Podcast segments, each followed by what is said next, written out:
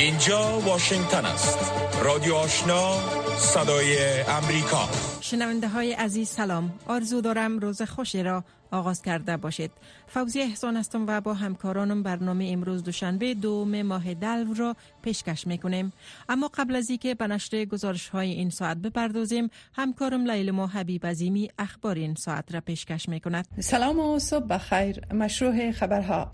اداره همانوردی فدرال روسیه دیروز یکشنبه 21 جنوری تایید کرد که یک تیاره آن کشور که حامل شش تن بود در مناطق کوهستانی در شمال شرقی افغانستان سقوط کرده است. ساعت قبل از آن مقامات حکومت طالبان نیز گفتند که یک تیاره کوچک مسافربری در بدخشان سقوط کرده است. اما در مورد این که این تیاره متعلق به کدام کشور است معلومات دقیق ارائه نکرده بودند. اداره همانوردی فدرال روسیه گفته است که تیاره فالک ده متعلق با آن کشور با چهار عمله و دو مسافر. وقت شام شنبه از صفحه رادار ناپدید شد و ارتباط با آن قطع گردید. روسیه گفته است که این تیاره از هند به سمت ازبکستان در حرکت بود و قرار بود از ازبکستان به روسیه عزیمت کند. خبرگزاری ریا نوویستی روسیه گفته است که دو مسافر این تیاره شهروندان روسیه و زن و شوهر بودند. بر اساس گزارش این خبرگزاری یک مسافر این تیاره به شدت بیمار بود و شوهر این فرد بیمار تیاره را برای انتقال همسرش به کرایه گرفته بود. مقام های وزارت خارجه حکومت طالبان و هیئت قوه قضاییه ایران در مورد مشکلات زندانیان افغان در آن کشور و تطبیق موافقتنامه استرداد محبوسین و مشکلات مهاجران افغان گفتگو کردند. زیا احمد تکل معاون سخنگوی وزارت خارجه حکومت طالبان وقت شنبه 20 جنوری با فرستادن پیام بر ها گفت که کاظم غریب آبادی معاون قوه قضاییه ایران که در رأس هیئت به کابل سفر کرده با امیرخان متقی سرپرست این وزارت دیدار و گفتگو کرده است. وی افزود که در این نشست در مورد رسیدگی به مشکلات زندانیان تعمیل موافقت نامه استرداد زندانیان میان دو کشور دریافت مکانیزم های بدیل برای افغان های محکوم به اعدام و همکاری های حقوقی و جنایی مربوط به مهاجرین افغان بحث مفصل صورت گرفت. با گفته او امیرخان متقی از هیئت ایرانی خواست تا زمینه دیدار مسئولین نمایندگی های سیاسی و قنصلی این گروه با زندانیان افغان در ایران فراهم شود و به مشکلات آنان نیز رسیدگی صورت گیرد. غریب آبادی در پاسخ متقی گفته است که تهران در مورد شکنجه افغان ها در آن کشور موقف جدی دارد. و تاکید کرده است که در آینده اقدامات لازم صورت خواهد گرفت و معلومات لازم نیز شریک خواهد شد. مشروع خبرهای منطقه و جهان را از رادیو آشنا صدای امریکا دنبال می کنید.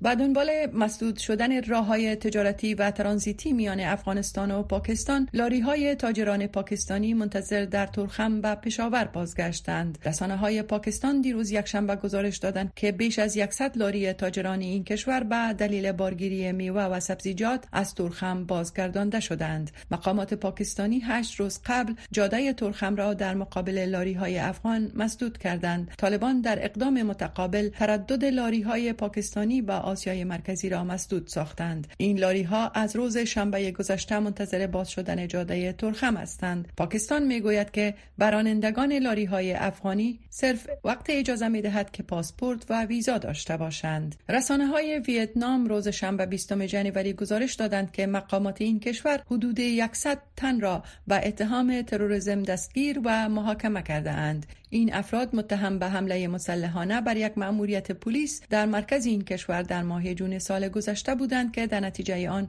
نه تن کشته شد. این رویداد خشونت آمیز در سال گذشته یک امر بی سابقه در ویتنام تحت حاکمیت کمونیستی تلقی شده است. در نتیجه محاکمه پنج روزه ده تن به حبس ابد و نه تن دیگر از نو ماه تا 20 سال حبس محکوم شده اند.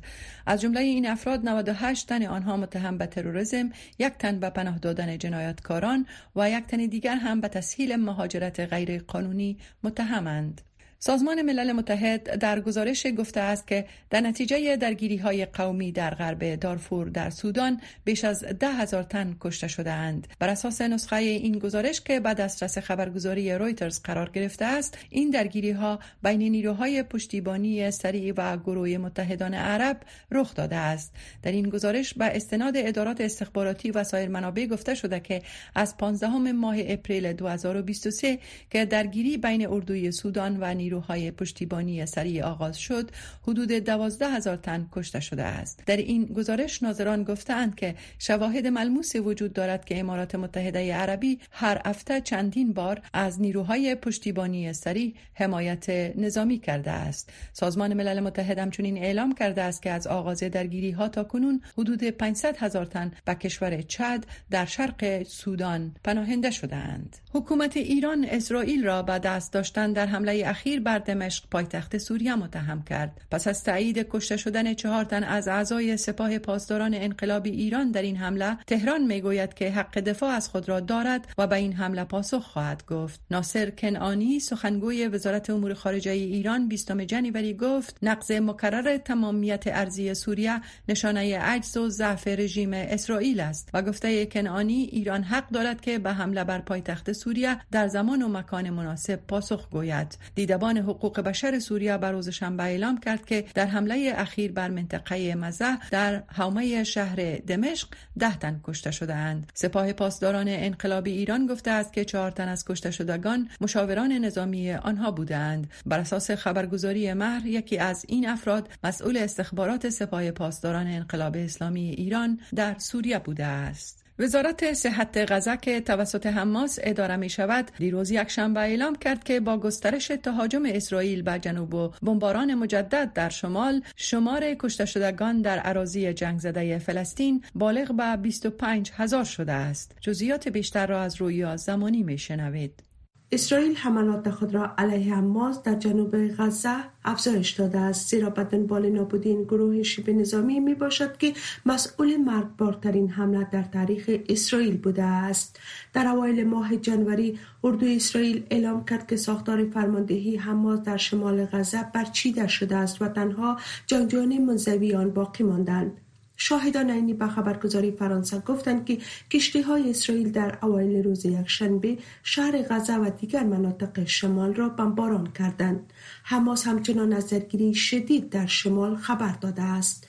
دفتر اطلاعات حماس گفت که هنوز ده ها نفر زیر مخروبه ها هستند و افزوده است که کشته شدگان و مجروحان به دلیل ادامه گلوله باری توپخانه بر خان یونس و منطقه تل هوا در غزه امکان انتقال مجروحان به شفاخانه ها را در شهر و شمال ندارند. اردو اسرائیل اعلام کرد که در روز گذشته تعداد از افراد حماس را در شهر اصلی خان یونس در جنوب غزه از بین برده و 15 شبه نظامی را در شمال غزه به هلاکت رسانده است.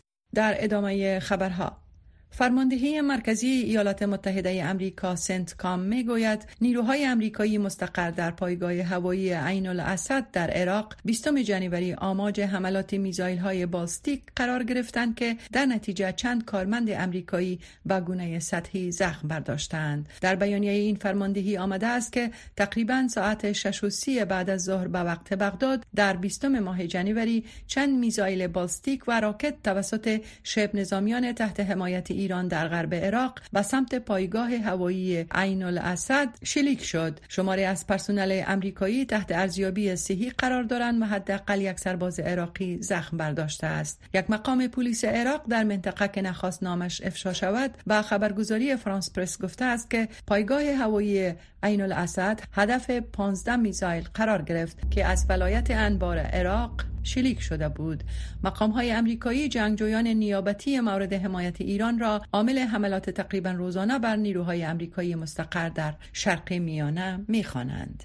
پایان مشروع خبرهای افغانستان جهان تا این ساعت از رادیو آشنا صدای امریکا. شنونده های گرامی خبرهای افغانستان منطقه و جهان را از رادیو آشنا صدای امریکا شنیدید. اکنون شما را به شنیدن گزارش ها و مطالبی که برای این برنامه تهیه دیده ایم فرا می‌خوانیم. متحدین امریکا در اروپا در حالت بحث و گفتگو در مورد چگونگی آماده شدن برای دومین دوره ریاست جمهوری احتمالی دونالد ترامپ هستند. این در حال است که دونالد ترامپ در اوایل ماه جاری در انتخابات درون حزبی جمهوری خواهان در ایالت آیوا به پیروزی رسید و جایگاه خود را با عنوان نامزد پیشتاز فعلی برای مقابله با جو بایدن رئیس جمهور برحال امریکا در انتخابات ماه نوامبر تثبیت کرد هنری ریجول خبرنگار صدای امریکا از لندن گزارش تهیه کرده است که برگردان آن را از فرخنده پیمانی مشنوید پیروزی دونالد ترامپ در حزب جمهوری خواه در ایالت آیوا یک زنگ خطره برای متحدین اروپایی امریکا بود. امانوئل مکرون رئیس جمهور فرانسه روز چهارشنبه در پاسخ و پرسش درباره احتمال برنده شدن و بازگشت آقای ترامپ بر ریاست جمهوری امریکا گفت که با هر کسی که در ماه نوامبر انتخاب شود گفتگو خواهد کرد. آنها با ارزش های ما شریک هستند اما این دموکراسی در حال گذر از یک بحران است که اولویت اصلی آن منافع شخصی و دوم مسئله چین است. ما به عنوان اروپایی ها باید در این مورد واضح باشیم. به همین دلیل است که من یک اروپای قوی تر را می خواهم که بتواند از خود دفاع کند و به دیگران وابسته نباشد. آقای مکرون و ترامپ در گذشته روابط ناهمواری داشتند. در جریان مبارزات انتخاباتی آیوا در این ماه دونالد ترامپ رئیس جمهور سابق امریکا به نظر می رسید که لحجه رهبر فرانسه را در جریان بحث های مربوط به تعرفه های تجاری و گفتگوهایش به مسخره می گرفت نه نه خیر. شما نمی توانید این کار را بکنید. دونالد شما نمی توانید آن را انجام دهید. این یادآوری سبک غیر متعارف و غیر معمول آقای ترامپ بود. اما اروپا دغدغه ها و نگرانی های بزرگتر فراتر از سیاست های شخصیتی دارد. با حمله روسیه به اوکراین کیف نیاز فوری به کمک های نظامی غرب دارد. ترامپ گفته است که به دنبال یک توافق صلح فوری میان اوکراین و روسیه است. طرفداران جمهوری خواهی او در کنگرس حدود 50 میلیارد دلار کمک نظامی به کیف را مسدود می کنند ایالات متحده اندکی کمتر از نیمی از این سهم کمک های غرب را پرداخت می کند اما ایالات متحده در مورد مسائل سیاسی استراتژیک نقش برجسته ای را دارد. بنابراین از دست دادن ایالات متحده به معنای داشتن رئیس جمهوری که ممکن با منافع اوکراین و منافع اروپا مخالف باشد ضربه بزرگی خواهد بود.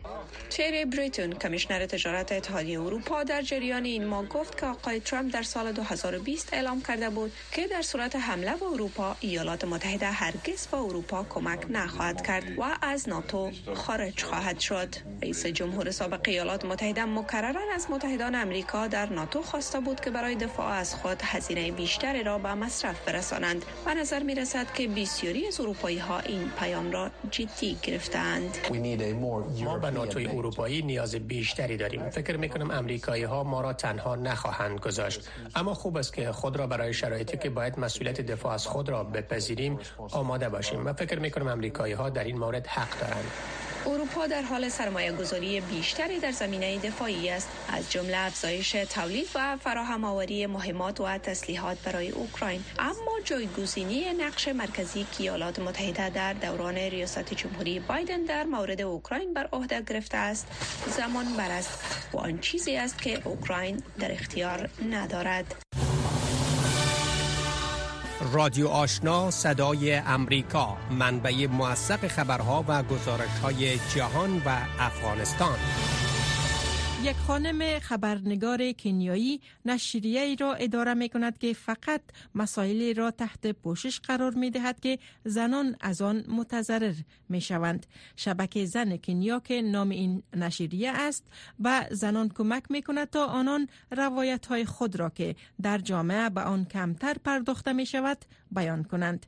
ویکتوریا امانگا از نایروبی در این مورد گزارشی دارد که تفصیل آن را از رویا زمانی بشنوید ملکه امبوری روزنامه نگار مستقر در نایروبی مدیر ارشد روزنامه محلی در دنیای خبرنگاری می باشد.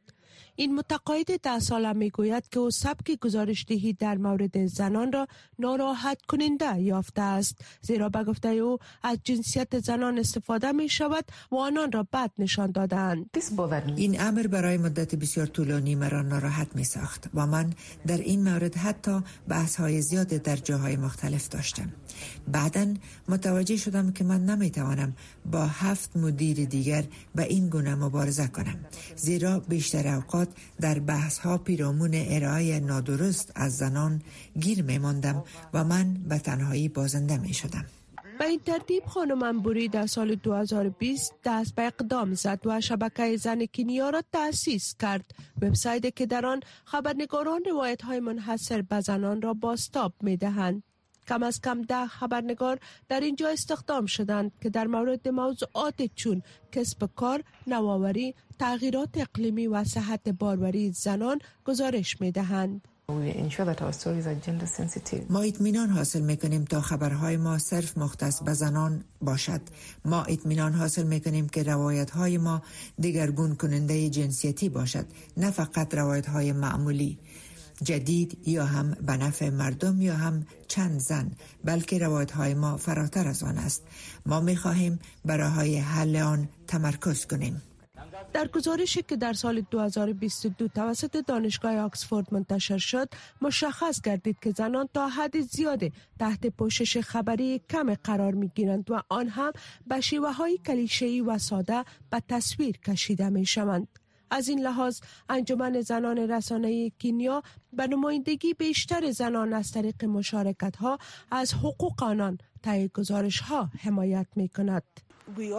ما همچنین با سازمان ملل متحد در بخش زنان همکاری می کردیم تا ببینیم چگونه می توانیم با عنوان یک سازمان ورکشاپ های انگیزه جنسیتی برای زنان در رهبری داشته باشیم در مورد اینکه چگونه آنها می توانند از رسانه ها استفاده کنند چه رسانه های اجتماعی و چه رسانه های تصویری تا خود را باستاب دهند. علاوه بر این ما چندین جلسه آموزشی هم برای زنان و هم برای مردان به شمول مدیران راه اندازی کردیم تا آنان را برای درک حساسیت های جنسیتی آگاهی دهیم. بر اساس گزارش اخیر بانک جهانی کنیا گام های قابل توجه در ترویج برابری جنسیتی برداشته است اما هنوز کارهای زیادی باید انجام شود. خبرنگاران مانند امبوری معتقدند که نشریه های مانند شبکه زن کنیا می توانند در برملا ساختن داستان ها و روایت های موفق زنان نقش بارز را ایفا کنند. رادیو آشنا صدای امریکا. پنج تا هفت صبح و هفت شام تا ده شب. تازه ترین خبرها و گزارش ها و گفته حکومت ایران حمله آشکار اسرائیل به قماندانان ارشد نظامی ایران در دمشق پایتخت سوریه پنج کشته بر جای گذاشت و ساختمان در یک محله مسکونی فرو ریخت و تعدادی از مردم زیر مخروبه های آن مدفون شدند. برخی تحلیلگران می‌گویند که این حمله احتمالا ایران را به تلافی با روش های غیر قابل پیش بینی سوق می دهد. اسرائیل که حملات مشابه را در گذشته انجام داده است سیاست خود را مبنی بر عدم اظهار نظر در مورد اینکه چی کسی مسئول این حملات بوده است همچنان حفظ کرده است ادوارد یرانیان از قاهره برای صدای امریکا در این مورد گزارشی فرستاده است که برگردان آن را عبدالواجد عادل به توجه می رساند. حمله آشکار اسرائیل به یک هدف نظامی ایران روز شنبه در دمشق پایتخت سوریه منجر به کشته شدن حداقل پنج قماندان ارشد نیروهای قدس ایران شد. این حمله یک ساختمان مسکونی را با خاک یکسان کرد و قربانیان را زیر مخروبه ها دفن کرد. تلویزیون سوریه جرسقیلی را نشان داد که تلاش می کند اجساد را از مخروبه ساختمان فروریخته خارج کند.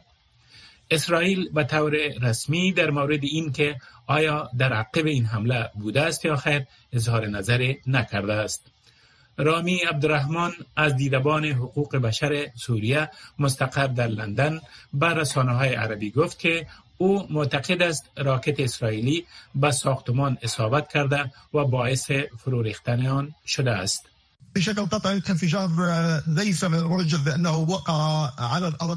با وجود برخی از گزارش ها مبنی بر انفجار واسطه بمبگذاری شده که منجر به فرو ریختن ساختمان محل اقامت قماندانان ایرانی شده است.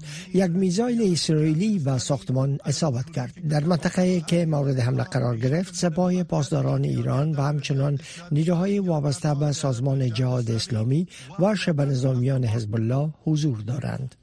مرداد خونساری تحلیلگر ایرانی مقیم لندن به صدای امریکا می‌گوید که حملات اسرائیل به اهداف در سوریه در ماههای اخیر به خصوص پس از حمله شبه نظامیان حماس در جنوب اسرائیل در هفتم اکتبر افزایش یافته است و بسیاری از قماندانان ایرانی به طور فعال در حال تراحی حمله به اهداف اسرائیل در داخل خاکی این کشور هستند.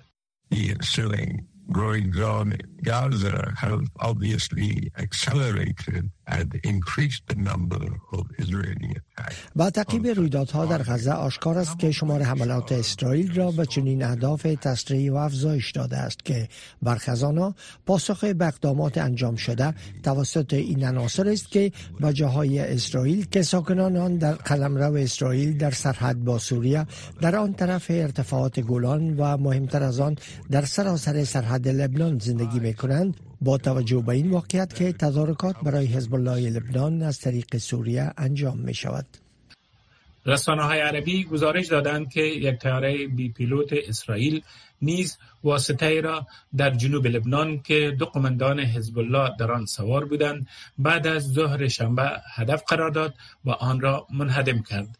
بنابر گزارش ها بقایای سوخته قربانیان برای شناسایی به شفاخانه محلی منتقل شده است. جاشوا لندیس که رئیس برنامه مطالعات شرقی میانه در پانتون اوکلاهوماست به صدای آمریکا گفت که فکر می کند هم اسرائیل و هم ایران با برخی از اقدامات خود سعی دارند ایالات متحده را به یک درگیری منطقه‌ای بزرگتر بکشانند. Already Israel, a little over a week ago, killed the top commander in Syria کمی بیشتر از یک هفته قبل اسرائیل قماندان ارشد قدس را در سوریه همراه با تعداد از همراهانش کشت و این فشار فوقالعاده ای را بر ایران وارد کرد تا واکنش نشان دهد. و آن هم درست در زمانی که ما به کم آرامش برای تلاش جهت حل این موضوع ضرورت داشتیم. کشتار رهبران ارشد ایران در دمشق توسط اسرائیل ایران را وادار به دست درازی کرده و رهبران را مجبور به اقدام تلافی جویانه کرده است. لندیز خاطر نشان می کند که ایران در هفته گذشته با ارسال میزایل به سوریه پاسخ داده است و تاکید می کند که حملات زیاد اسرائیل و ایالات متحده بالای رهبران ایران فشار آورده است. به زعم او کشورهایی که مردم آنها اغلبا کشته می‌شوند به روش های بسیار غیر منطقی برخورد می کنند و می افزاید که ما این را از ایران خواهیم دید و آنها احتمالا کار احمقانه را انجام خواهند داد. لندیس تاکید می کند که های امریکایی در عراق و سوریه در روزها و هفته های اخیر هدف حملات شبه نظامیان طرفدار ایران قرار گرفتند و افزود ایران با استفاده از حوسی های یمن برای هدف قرار دادن کشتی های امریکایی در بحیره احمر تلاش کرده است تا امریکا را وادار یک درگیری منطقه‌ای وسیع‌تر کند. علی خامنه ای رهبر ایران بارها از حوسی ها که میزایل ها و های بی پیلوت ایران را دریافت می کنند خواسته است تا حملات خود را علیه کشتی های امریکایی در بحیره احمر و خلیج عدن افزایش دهند هم نیروهای سپاه پاسداران ایران و هم شبه نظامیان حزب الله لبنان در یمن محل قمانده دارند که به حوسی ها مشورت می دهند. پیشرفت های علم طب معرفی اصلی ترین ابزار و روش های درمانی مصاحبه با مشهورترین دکتران و کارشناسان بخش صحت پرداخت عمیق به مشکلات صحی در افغانستان از اعتیاد به مخدرات گرفته تا فلج اطفال و دیگر نابسامانی های صحی و جستجوی راه حل آن را در برنامه ویژه بو علی سینا دنبال کنید. سینا از نشرات رادیویی ماهواره‌ای و دیجیتالی صدای امریکا.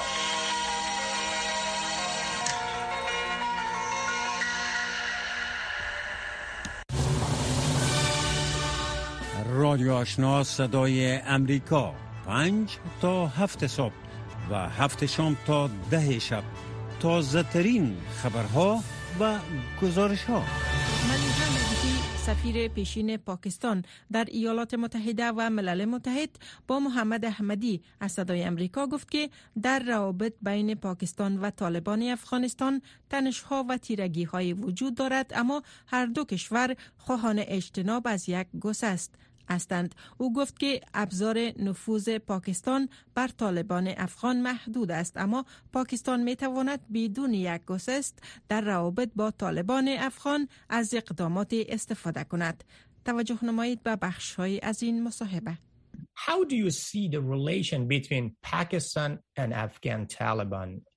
شما روابط بین طالبان افغانستان و طالبان پاکستان را چگونه ارزیابی می‌کنید؟ در گذشته طبق گزارش ها پاکستان طالبان افغانستان را حمایت می‌کرد و حالا از همین طالبان عصبانی هستند و اعمالشان را تهدید میپندارند. همچنین بعضی وقتها پاکستان به طالبان افغان هشدار می‌دهد که حمایت از تحریک طالبان پاکستان و فراهم کردن پناهگاه به آنان را متوقف سازد. اما طالبان هیچ اعتنایی به خاص پاکستان نکرده.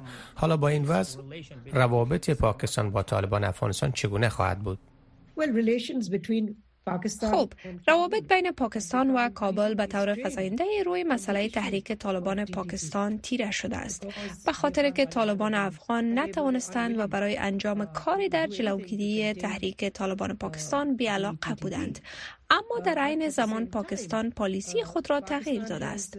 حالا پاکستان سیاست سختتری را در برابر طالبان افغان اتخاذ کرده است که صرف نظر از روابط گذشته با طالبان افغان با پاکستان می باشد این یک واقعیت است.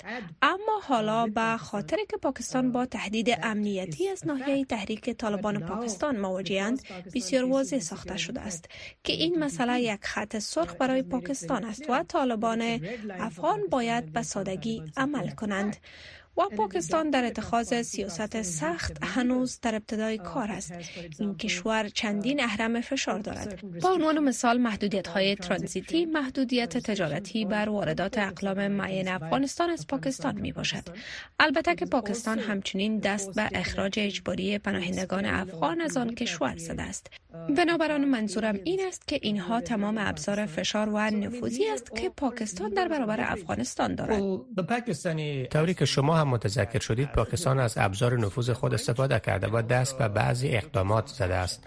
اما این پرسش مطرح است که اگر حمایت طالبان افغان و پناه دادنشان به طالبان پاکستانی ادامه یابد و پاکستان همچنان احساس تهدید کند پاکستان چه ابزار نفوذ دیگری برای غلبه بر طالبان دارد؟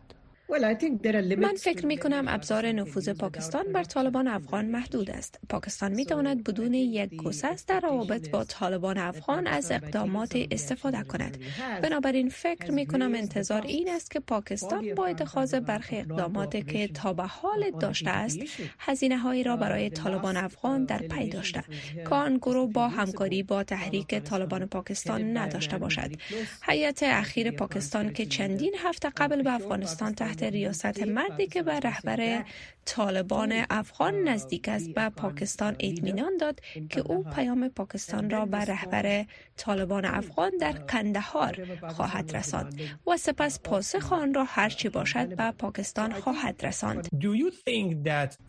مردم پاکستان به زودی شاهد برگزاری انتخابات عمومی خواهند بود که در نتیجه آن حکومت جدید تشکیل خواهد شد. آیا فکر می کنید که حکومت در پاکستان توان مقابله به این مسئله به شمول شورشگری فزاینده در کشوری مثل افغانستان یا ایران را داشته باشد از حکومت آینده توقع چه نوع تدابیری است؟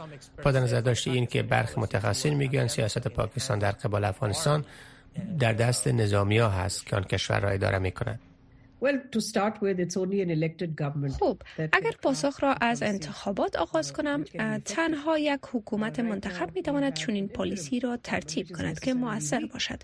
در حال حاضر ما یک حکومت موقت داریم که لزوما ما واقعا باید نخست ببینیم که برنده انتخابات کیست. و تنها آن وقت است که می توانیم موثریت و توان مقابله با این آزمون ها را ارزیابی و محاسبه کنیم. به خاطر که من فکر می کنم در حال حاضر پاکستان با هر آزمون داخلی و هم بیرونی مواجه است. آزمون داخلی البته که آزمونی است که از منشیان اقتصاد است که باید اصلاح گردد که این مهمترین آزمون است و بعدا باید روابط با ایران ترمیم گردد. اما البته که این یک طرف قضیه است و ایران نیز باید پاسخ بدهد و علاقمندی و ترمیم روابط نشان دهد و بعد به آن رسیدگی کند. حکومت جدید باید با تمام این مسائل رسیدگی کند که شامل یک سلسله مسائل سیاست خارجی است که منطقه‌ای و همچنین بین المللی می باشد بنابراین واقعا این بستگی به آن دارد که چه کسی برنده خواهد شد و آن حکومت چقدر نیرومند خواهد بود. آیا حکومت ائتلافی تشکیل خواهد شد یا یک حزب یا یک حکومت را به تنهایی خود تشکیل خواهد داد؟ به خاطر که این امر عملکرد حکومت آینده را موثرتر خواهد ساخت. از همین جهت فکر می کنم ما باید منتظر بمانیم و ببینیم پاسخهای این پرسش ها که تنها نتایج انتخابات است. چیست؟ شنونده های گرامی این بود داشته های این برنامه. تا چند لحظه دیگر همکارانم برنامه خبری بخش پشتو را پیشکش خواهند کرد. من و همکارانم تا نیم ساعت دیگر با گزارش ها و مطالب تازه برخواهیم گشت. وقت خوش داشته باشید.